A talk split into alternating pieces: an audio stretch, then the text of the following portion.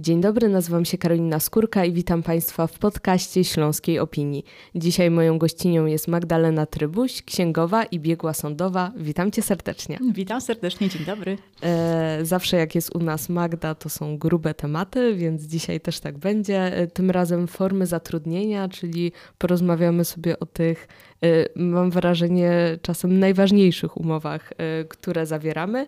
Y, I na początek takie pytanie bardzo otwarte, może trochę abstrakcyjne, ale jaka umowa powinna być dla nas, jako dla pracownika, najkorzystniejsza? Jak ty to widzisz? Hmm, no to może zacznę od tego, że e, wyjaśnię ci, jakie mamy rodzaje umów, i wtedy zobaczymy, w zależności od sytuacji, która mhm. jest najkorzystniejsza, może wtedy będzie łatwo jakby wyciągnąć wnioski.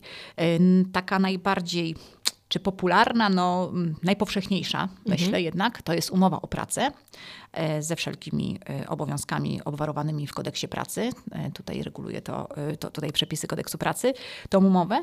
Następnie są umowa zlecenie i umowa o dzieło i one są uregulowane w kodeksie cywilnym. Mm, tam są wymienione ich różnice. Mm, mamy również formę zatrudnienia, często w tej chwili spotykaną na poziomie około 2 milionów osób zatrudnionych. To jest jednoosobowa działalność gospodarcza, czyli tak zwane B2B. Y, samozatrudnienie to też mhm. jest forma świadczenia usług na rzecz pracodawcy, czy firma firmie tutaj w tym przypadku. No i taka forma, taka chyba najmniej już teraz w tej chwili spotykana, ale też ją należy wymienić, to jest forma tak zwanego zatrudnienia, kolokwialnie mówiąc, na czarno. Mhm. E, na czarno, czyli e, wszystkie pieniądze na rękę. Y, tak, wszystkie pieniądze na rękę, czyli bez tych składek, bez, y, bez składek emerytalno-rentowych, chorobowych, wypadkowych, zdrowotnych, bez podatku, y, czyli jak się strony umawiają na 3000, to ten pracodawca płaci 3000, pracownik nie jest ubezpieczony, pracodawca nie ma kosztów dodatkowych brutto-brutto, mhm. czyli z tych 3000 nie ma tam powiedzmy 4700 do, do poniesienia kosztu. No i jakby być może czasami obie strony są zadowolone chociaż różnie z tym bywa. E, ryzyko jest spore, ale czy to jest ryzyko dla pracodawcy? Czy to on zostanie ukarany? Czy my też możemy zostać ukarani, hmm. jeśli weszliśmy w taki układ? No tak, tak. Do końca roku 2021 to było z tym różnie. No ale to już jest historia. Teraz mamy styczeń 2022 i mamy nowe, nowe realia. I te realia wyglądają w ten sposób, że y, zatrudnienie człowieka bez umowy i wypłata jemu wynagrodzenia jest obciążona po pierwsze y, taką karą jakby sankcyjną dla pracodawcy, który y, w sytuacji, gdy pracownik zgłosi, w sumie jest to niedookreślone na ten jeszcze moment mhm. i jeszcze nie ma tych przypadków, czy to zgłasza do sądu pracy, czy do ZUS-u, czy do Urzędu Skarbowego, czy do Inspekcji Pracy i jak jest, będzie prowadzone dochodzenie, y, żeby udowodnić, czy że rzeczywiście, że rzeczywiście taka sytuacja miała miejsce, no bo często są to kwoty wypłacane z ręki do ręki bez pokwitowania. No bo w przypadku, kiedy mamy pokwitowanie, no to mamy mhm. też dowód y, pisemny. Natomiast zakładamy, że ten pracownik dostał 3000 na rękę. No i co pracodawca będzie mm, obowiązany zrobić? Y, naliczyć ZUS, naliczyć podatek, odprowadzić to oczywiście i to do tej pory też miało miejsce. Y, natomiast w tej chwili przepisy, y, które obowiązują nowe, mm, w tak zwanym Nowym Ładzie, nie będą pozwalały zaliczyć tej kwoty ZUS-u do kosztów uzyskania przychodu. Na tym przykładzie naszych 3000 netto mamy tego ZUS-u 1700 w zaokrągleniu i to mogliśmy wpisać w koszty, czyli pomniejszyć podstawę opodatkowania. A tymczasem teraz będzie to pracodawca będzie musiał to odprowadzić i będzie ukarany, nie mogąc wpisać tego w koszty. Więc to taka, taka sankcja, trochę straszak dla pracodawców. Mhm. E, zmieniły się też przepisy odnośnie zatrudniania na czarno alimenciarzy, tak? To... E, tak, tutaj została sankcja jeszcze dodatkowa w postaci e, kary grzywny od 1500 do 45 tysięcy za zatrudnianie człowieka, który unika mm, zatrudnienia w formie legalnej żeby mm, pracodawca no, w momencie, kiedy zatrudnia takiego człowieka, jest obowiązany co miesiąc odprowadzać y, z jego wynagrodzenia 60% wynagrodzenia I tutaj no jednak to są duże kwoty. No jeżeli Mhm. ktoś zarabia 2000 i 60% z tego, no to jest dużo. Oczywiście w zależności od tego, jak, jak te alimenty są przyznane. Natomiast fundusz alimentacyjny no, próbuje się tym bronić i rzeczywiście jest to powszechne takie dość zjawisko, że często osoby przychodzą na umowę, na rozmowę o pracę i, no i mówią, no ale mam komornika i chciałbym jakoś uciec, tak? Więc tutaj taka sankcja dla pracodawcy też dodatkowa, która no, spowoduje chyba troszkę uszczelnienie tego Mhm. procederu. E, czyli mówimy o takich sytuacjach, kiedy są zasądzone alimenty, a e, osoba, która jest e, obciążona tymi alimentami, mówi. Nie mam z czego, bo nie pracuję, Dokładnie. a tak naprawdę Mhm. pracuje, tylko, e, tylko robi to na czarno. No ale my tutaj e, spotykamy się nie po to, żeby dać Państwu instrukcję, jak pracować na czarno, albo żeby postraszyć, ile to będzie e, kosztować, jeśli się wszystko wyda. Porozmawiajmy o tych umowach, które jednak najczęściej zawieramy. Czy możemy powiedzieć na przykład, jak, jaki typ umowy jest najpopularniejszy? Y, Tak, to zależy od jakiego, zależy jakbyśmy mm, y, zastanowili się dla kogo, bo na przykład najpopularniejsza dla studenta to jest umowa zlecenie, dlatego że jest najtańsza. Nie dość, że osoby do 26 roku życia nie płacą podatku, czyli nie ma podatku z tej umowy, to jeszcze nie ma składek ZUS-owskich, które są istotnym y, obciążeniem dla pracodawcy. Więc jeżeli to jest student, który się uczy, czy uczeń jakiegoś studium policjalnego, to on jest dla nas tańszy, dla pracodawcy.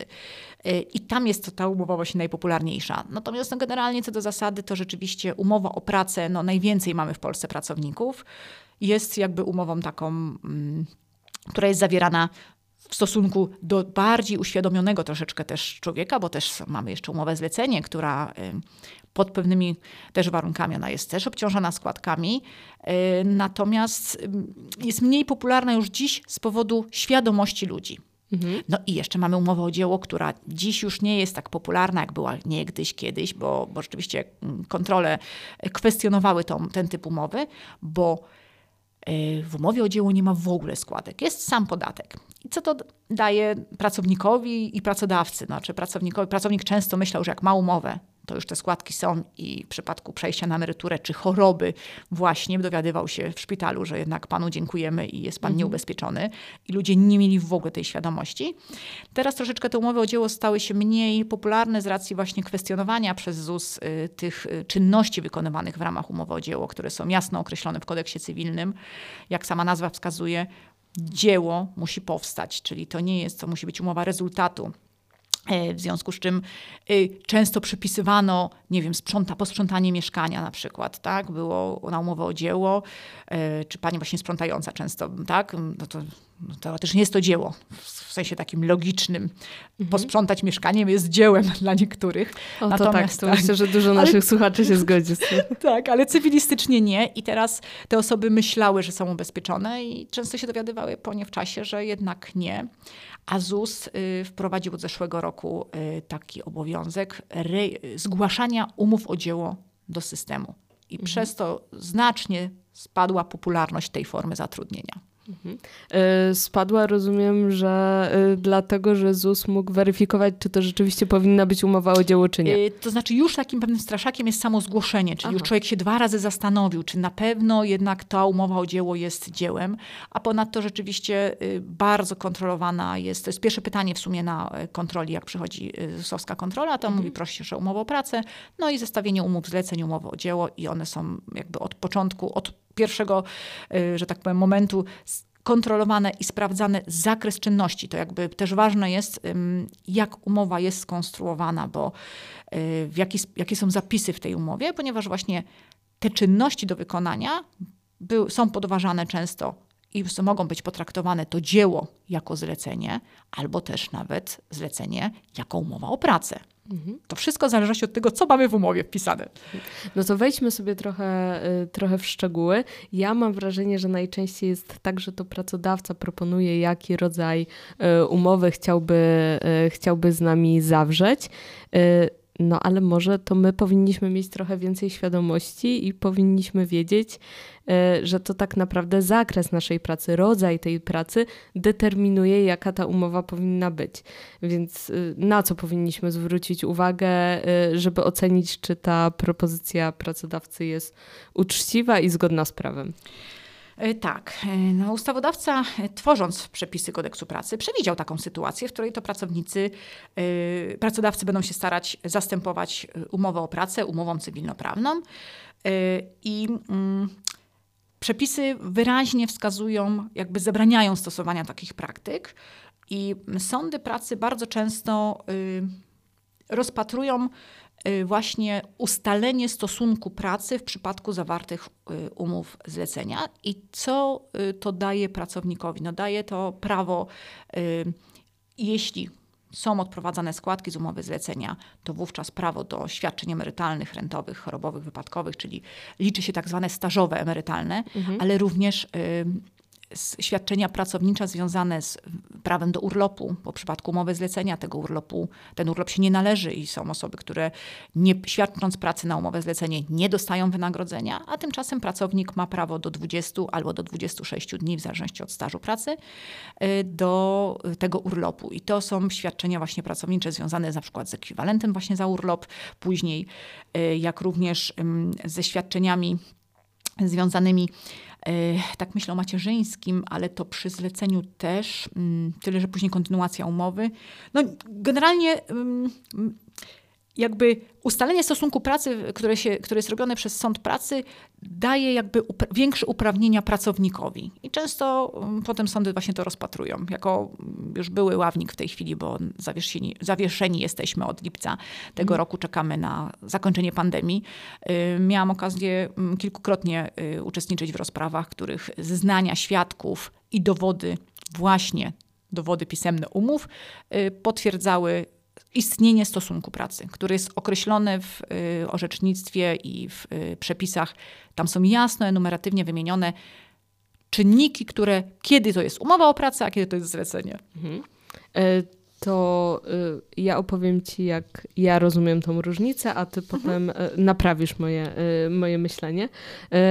Ja zawsze miałam do tego takie podejście, że jeśli przychodzimy od tej 8 do 16 i wykonujemy szereg zadań, to jesteśmy na umowie o pracę, a jeśli pracodawca daje nam jakieś zadanie do wykonania i niespecjalnie go interesuje, kiedy to zrobimy i nie wyznacza nam takich E, wyraźnych ram pracy, w sensie mhm. nie musimy się stawiać e, w biurze e, o 8 rano, no to wtedy to będzie bardziej, bardziej zlecenie. Czy to tak mniej więcej tak, się zgadza? Tak, tak, tak. dokładnie. I jeszcze, jeszcze, jeszcze jedna rzecz jest trzeci warunek, czyli czy jest bezpośrednie zwierzchnictwo, kierownictwo, tak? Czy, okay. czy jakby mamy kierownika, który nam zleca, czy my po prostu sobie mm, jesteśmy takim, y, powiedzmy, wolnym zawodem, możemy sobie robić, mamy wykonać po prostu pracę. Ale tak, masz rację, to do zasady te, mm, te ogólne ramy tak wyglądają. Tak, tak, tak ogólnie się to bada rzeczywiście. Mhm. Mhm. Okej, okay, ale możemy mieć też umowę o pracę. Mm, gdzie jest mowa o e, zadaniowym czasie pracy, I, gdzie tak, nie do końca tak. E, pracodawca mm -hmm. nas pilnuje, żebyśmy byli mm -hmm. na tą mhm. ósmą e, i nie do końca właśnie wyznacza nam cały, cały szereg zadań. E, I jak wtedy odróżnić taki zadaniowy tryb pracy, który mm -hmm. jest na mhm. umowie o pracę? Mm -hmm. To może powinno być to zlecenie i może tych składek powinno być mniej i w ogóle powinniśmy dostawać więcej na rękę. No jak, jak to ciekawe, rozróżnić? Ciekawe. To znaczy tak, w ogóle musimy wyjść też od tego, że w momencie, kiedy jesteśmy zatrudnieni na umowę zlecenie, a nie mamy innego tytułu do ubezpieczenia, czyli nie mamy umowy o pracę, zakładamy, że to jest osoba niepracująca i podpisuje umowę zlecenie, to tak naprawdę prawie wszystkie składki są takie same jak przy umowie o pracę, bo jest emerytalna, rentowa, wypadkowa i chorobowa jest dobrowolna, czyli jeżeli ja jako niepracująca osoba podpisuje umowę zlecenie, to nie chce mieć chorobowej odprowadzanej, w związku z czym nie mam uprawnienia później do chorowania. E, natomiast to taka jakby różnica, mhm. że one tam kosztowo to nie są aż takie w takiej różnicy dużej, nie? Ale mhm. jeśli moglibyśmy się zatrzymać tutaj, e, tutaj na chwilkę, e, powiedziałaś o składce chorobowej, czyli o tej pieniądzach, które trafiają do nas, kiedy chorujemy, ale tak. dalej możemy się pochorować i iść do szpitala. Y, w sensie tak, dalej tak, bo mamy składkę, składka zdrowotna z kolei okay. jest odprowadzana, dokładnie tak. I to jakby kosztowo, to powiedzmy w przypadku tej osoby poniżej 20, nieuczącej się, mhm. to jakby nie ma znaczenia. Mm, większe znaczenie ma czas pracy i normy czasu pracy, bo jeżeli weźmiemy dwie takie same osoby i jedna będzie zatrudniona na umowę o pracę, druga na umowę zlecenie będą wykonywały te same czynności, tylko jedna będzie pracowała 8 godzin, bo kodeks pracy ją trzyma i jakby pracowała więcej, to ma płacone za nadgodziny i ma prawo roszczenia o to. I plus urlop te 20-26 dni.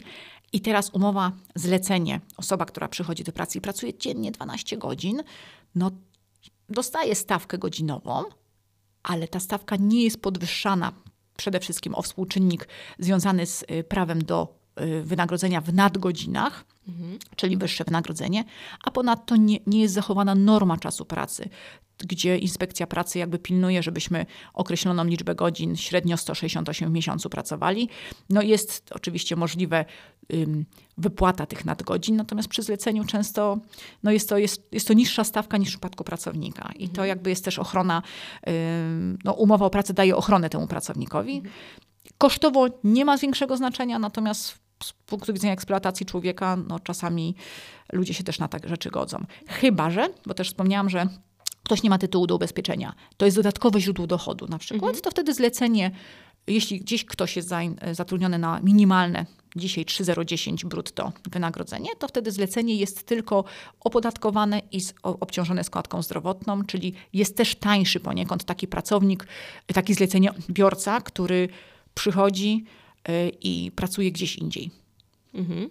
E, powiedziałaś też o ważnej rzeczy, o nadgodzinach, coś co mam wrażenie teraz e, bardzo wielu pracowników, pracowników dotyczy, szczególnie chyba w tej pracy zdalnej. Tak? Nie wiem, czy, czy Państwo też mają taką refleksję, ale dużo moich znajomych i ja taką mamy, że pracując zdalnie, tak naprawdę pracujemy więcej, nie? że ten mm -hmm, czas się tak mm -hmm. troszkę, troszkę nam rozciągnął. No i to bardzo ważna sprawa, żeby pamiętać, że jeśli jesteśmy na umowie o pracę, e, to te nadgodziny powinny być płatne co do zasady, tak? I to tak, jest coś, o tak. co możemy się upomnieć. Tak. No przy zleceniu można też, no jakby, no wiadomo, że pod umowę zlecenia są określone formalne warunki, przedstawienie liczby godzin. No różnie z tym bywa, to znaczy przy pracy zdalnej jest o tyle problem, że mm, rzeczywiście ten czas się trochę rozciąga będąc w domu, bo przy okazji robimy obiad, wstawiamy pranie.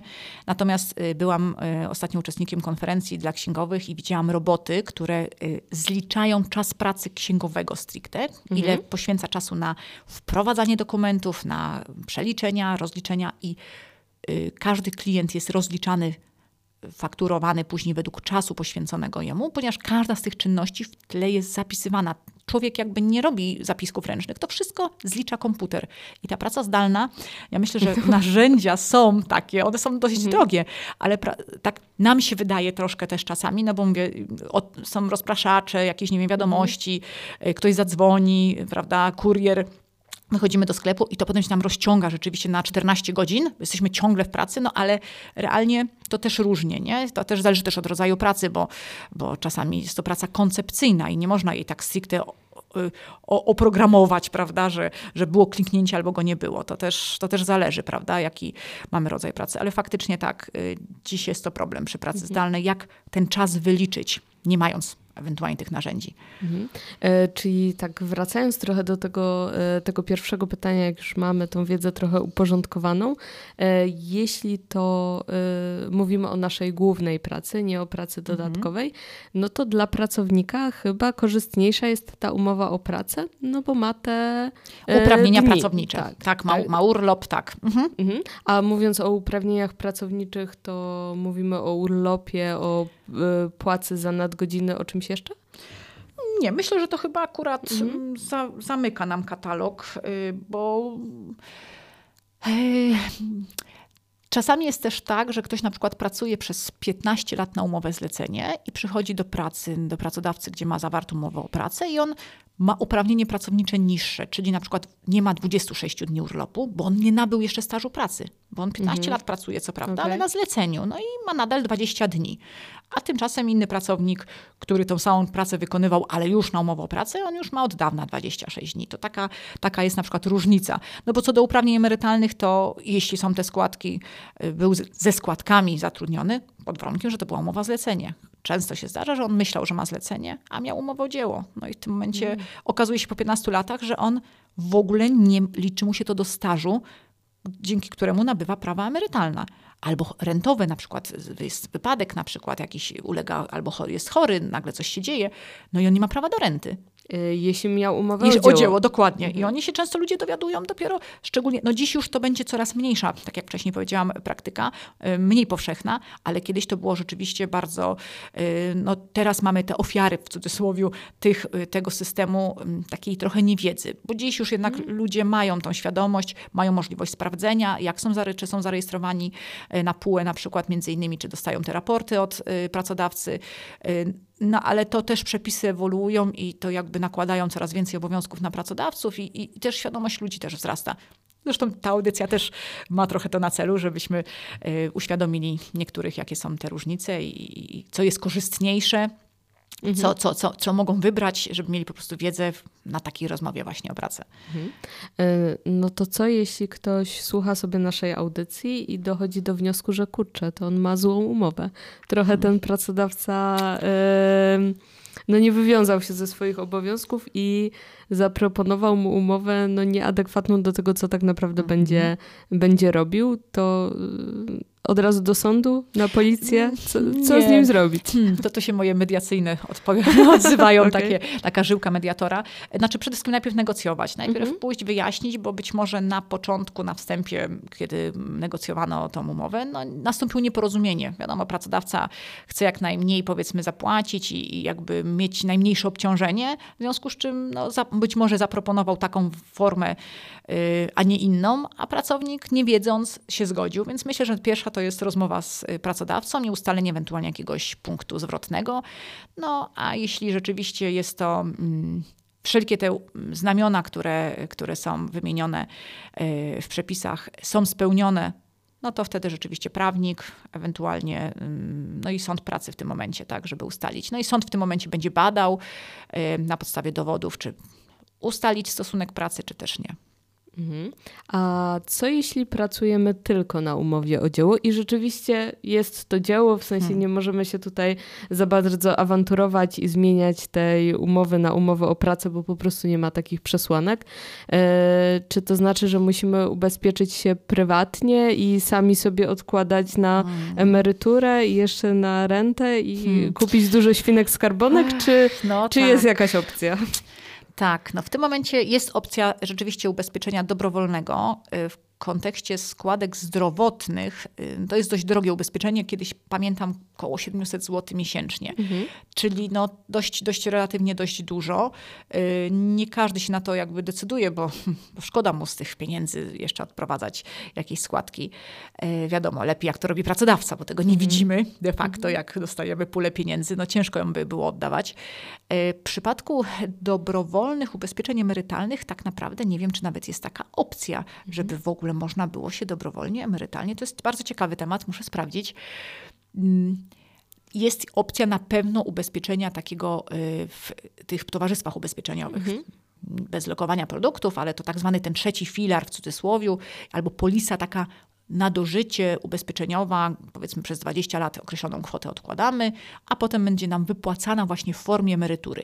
I to chyba jest kierunek, bo samo chyba państwo nasze nie, nie gwarantuje, oprócz tego ubezpieczenia zdrowotnego, o którym wspomniałam, takiej, takiej opcji. Więc prywatna firma ubezpieczeniowa odkładamy, nie wiem, 1000 zł miesięcznie i potem z tego tysiąca do, na dożycie mamy, że tak powiem, zapewnioną w cudzysłowie emeryturę, no bo, no bo powiedzmy, że zależy jak długo będziemy później jeszcze żyli też, nie? Mhm.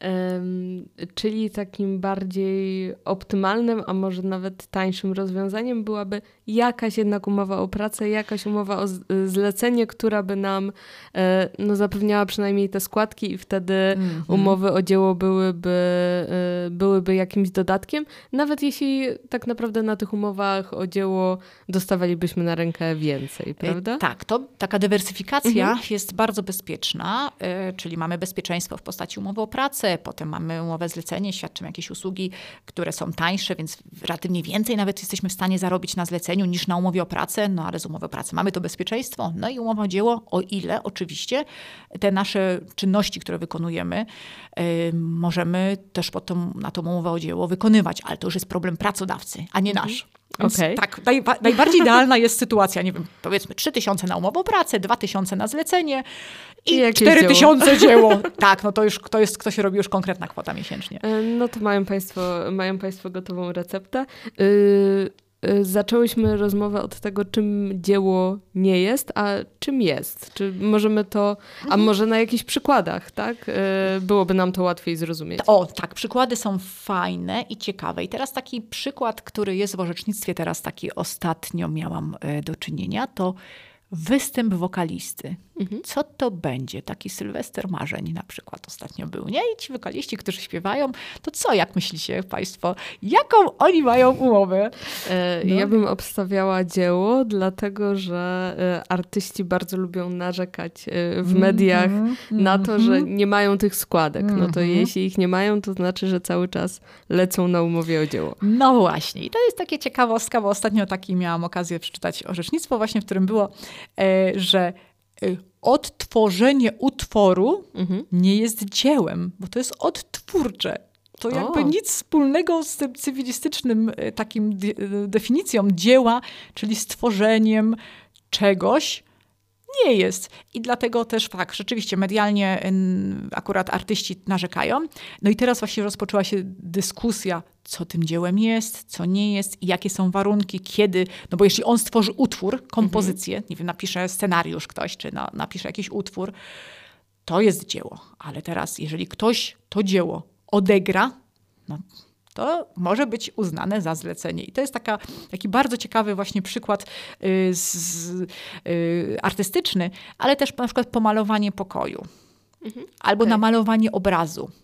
Pomalowanie pokoju nie będzie dziełem, jeśli chodzi o te, y, zakres tych przepisów. Natomiast pomalowa- namalowanie obrazu już tak. No i to jest, to jest takie bardzo płynna granica, to jest bardzo trudne, to jakby prawnicy, cała rzesza sędziów się nad tym zastanawia, nie? Więc jakby teraz, y, te, i te przykłady, które teraz podaję, może się okazać, że za chwilę orzecznictwo się zmieni e, i będzie jednak namalowanie obrazu też będzie zleceniem, bo okay. będzie spełniało inne, bo był kierownik na przykład, tak? Albo malował ten ktoś obraz od 8 do 16, nie? I jeszcze kierownik nad nim stał, mówił popraw tą kreskę. To wszystko naprawdę jest tak y, z jednej strony logiczne i określone w prawie, a jednocześnie są interpretacje i cała y, otoczka wokół tej sytuacji może być inaczej po prostu odebrana. Jest to taki też ciekawy temat. Mówię, w zależności od tego, jak ma być. Okej. Okay. E, a czy słusznie ta umowa o dzieło kojarzy nam się z takim światem artystycznym? To by się też pokrywało z tak, tymi przykładami, tak, które Tak, tak. Zdecydowanie y, jest to najbardziej popularna tam właśnie forma, no bo to jest taki artyzm właśnie. To jest właśnie dlatego też ten wspomniany obraz czy scenariusz. Yy, rzeczywiście, no tam jest jeszcze taka inna yy, też ciekawostka podatkowa, że w przypadku dzieła, które spełnia określone yy, w, mm, określone w przepisach ustawy o podatku dochodowym od osób fizycznych przeniesienie praw własności, y, nie pamiętam dokładnie teraz tego przepisu, ale chodzi o to, że jeżeli jest to zindywidualizowane i mm, związane z twórcą, to wtedy ma e, twórca prawo do 50% kosztów uzyskania przychodu, dzięki czemu płaci jeszcze mniejszy podatek. Mhm. I też jest często to z kolei Urząd Skarbowy bada, bo mm, samo uzasadnienie, czy składki, czy nie, no to był ZUS, a teraz jeszcze czy podatek wyższy, czy niższy, to jeszcze bada Urząd Skarbowy, czy było prawo do zastosowania tych 50%, a nie standardowych 20% kosztów uzyskania, co się przekłada na kwotę podatku do zapłaty, czyli na realnie na kwotę netto, którą później ten człowiek dostaje. To też jest taka, to jest jeszcze inny obszar z kolei podatkowy, który, który bada y, skarbówka, czy, czy było możliwe zastosowanie, czy nie. Okej, okay. E, to mam dla Ciebie na koniec jeszcze jeden scenariusz do przeanalizowania, bo wspomniałaś o tym, że um, takim korzystnym rozwiązaniem będzie, y, będą różne umowy, czyli właśnie tam mhm. umowa o pracę, umowa zlecenie i jeszcze jakieś dziełko. Y, a kilka umów o pracę? Czy to może być korzystne dla pracownika? Że abstrahując od tego, mhm. że czasem po prostu no, ta praca ma taki format, że to musi być ta umowa o pracę, mhm. ale y, no, widzisz tutaj jakąś przestrzeń, gdzie y, to dla pracownika mogło być y, korzystne? Tak naprawdę w tej chwili nie ma to znaczenia, bo najkorzystniejsze jest posiadanie umowy o pracę i umowy zlecenia, która, no to zależy właśnie, o, to inaczej, zależy, czy się chce mieć odkładane pieniądze na emeryturę i z nich korzystać kiedyś, czy chce się konsumować te pieniądze dziś. Bo mhm. jeżeli ktoś chce odkładać na emeryturę, no to trzy umowy o pracę po pół etatu w różnych miejscach dają mu możliwość kiedyś korzystania z tych pieniędzy, ale umowa o pracę plus umowa zlecenie, gdzie realnie na tym zleceniu można zarobić więcej, bo mhm. nie ma tych składek, no to to jest dla tych, opcja dla tych osób, które chcą dzisiaj mieć więcej pieniędzy. E, z punktu widzenia jakby uprawnień, uprzywilejowań pracowników, to to, że mamy trzy umowy na pół etatu, to wcale nie i mamy półtora etatu mhm. łącznie, wcale nie oznacza, że szybciej na emeryturę pójdziemy. Bo okay. lata pracy się liczą, więc mhm. tu nie ma to, z tego poziomu nie ma w ogóle znaczenia. Mhm. Ale czy to znaczy, że jak wylądujemy na L4, to Y, nagle będziemy zarabiać bardzo dużo? Bo no, z tych trzech źródeł, z tak, każdej... z trzech źródeł będziemy dostawać pieniądze. Więc to też kwestia, jaka to jest kwota na, ty, mhm. na tych umowach o pracę, ale rzeczywiście słuszna uwaga, w przypadku gdyby to było zlecenie, no to to zlecenie nie pracujemy, nie dostajemy pieniędzy i też nie dostajemy jak chorujemy. Mhm. Mhm. E, czyli taka dość nietypowa e, sytuacja, bo zazwyczaj jeśli jesteśmy na tym L4, no to musimy się liczyć z tym, że, że wynagrodzenie będzie mm. niższe. No chyba, że właśnie mamy tak. taką sytuację, to jest pewnie rzadko spotykane, ale rozmawiamy o różnych scenariuszach, więc, więc może no, przegadajmy też to. Tak, tak. Rzeczywiście słuszna uwaga, bardzo, bardzo fajnie, bo o tym nie pomyślałam, ale przyszło mi też na myśl teraz jeszcze jedna rzecz, że y, nawet jak mamy umowę o pracę i załóżmy, że tam są składniki następujące. Premie, y, wynagrodzenie zasadnicze 3000 brutto, mhm. plus premia uznaniowa 2000 brutto, plus premia regulaminowa 2000 brutto, plus jeszcze jakaś nagroda. I łącznie na przykład taki pracownik ma 10 tysięcy brutto, z czego ma 6 tysięcy powiedzmy mniej więcej na rękę. I teraz on idzie na zwolnienie i on myśli sobie, że on będzie miał te 6 tysięcy nadal zagwarantowane.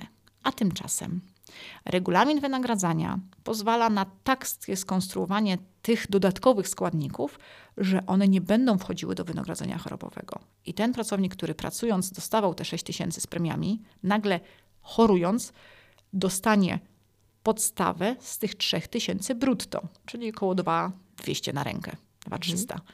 I on nagle się dziwi, bo mówi tak, ale zaraz, pracowałem, dostawałem 6, teraz choruję, dostaję 2300. Już trochę pomijam jeszcze aspekt, że tam jest 80% wynagrodzenia, czyli ta kwota mhm. jeszcze troszeczkę y, inaczej. Ona tak nie wprost się to liczy, bo nie liczy tam się, się składek, ale to już nie chcę w to wchodzić. Tak. ale że... zawsze przyjmujemy, że ta jedna piąta mniej. Dokładnie. Nie? I teraz on ma 2300, a zarabiał 6 jak pracował. Mhm. Dlaczego? Dlatego, że tak ma skonstruowaną umowę o pracę, że te dodatkowe składniki nie wliczają się do, chorobo, do, tej, do te chorobowego, do wynagrodzenia za chorobę.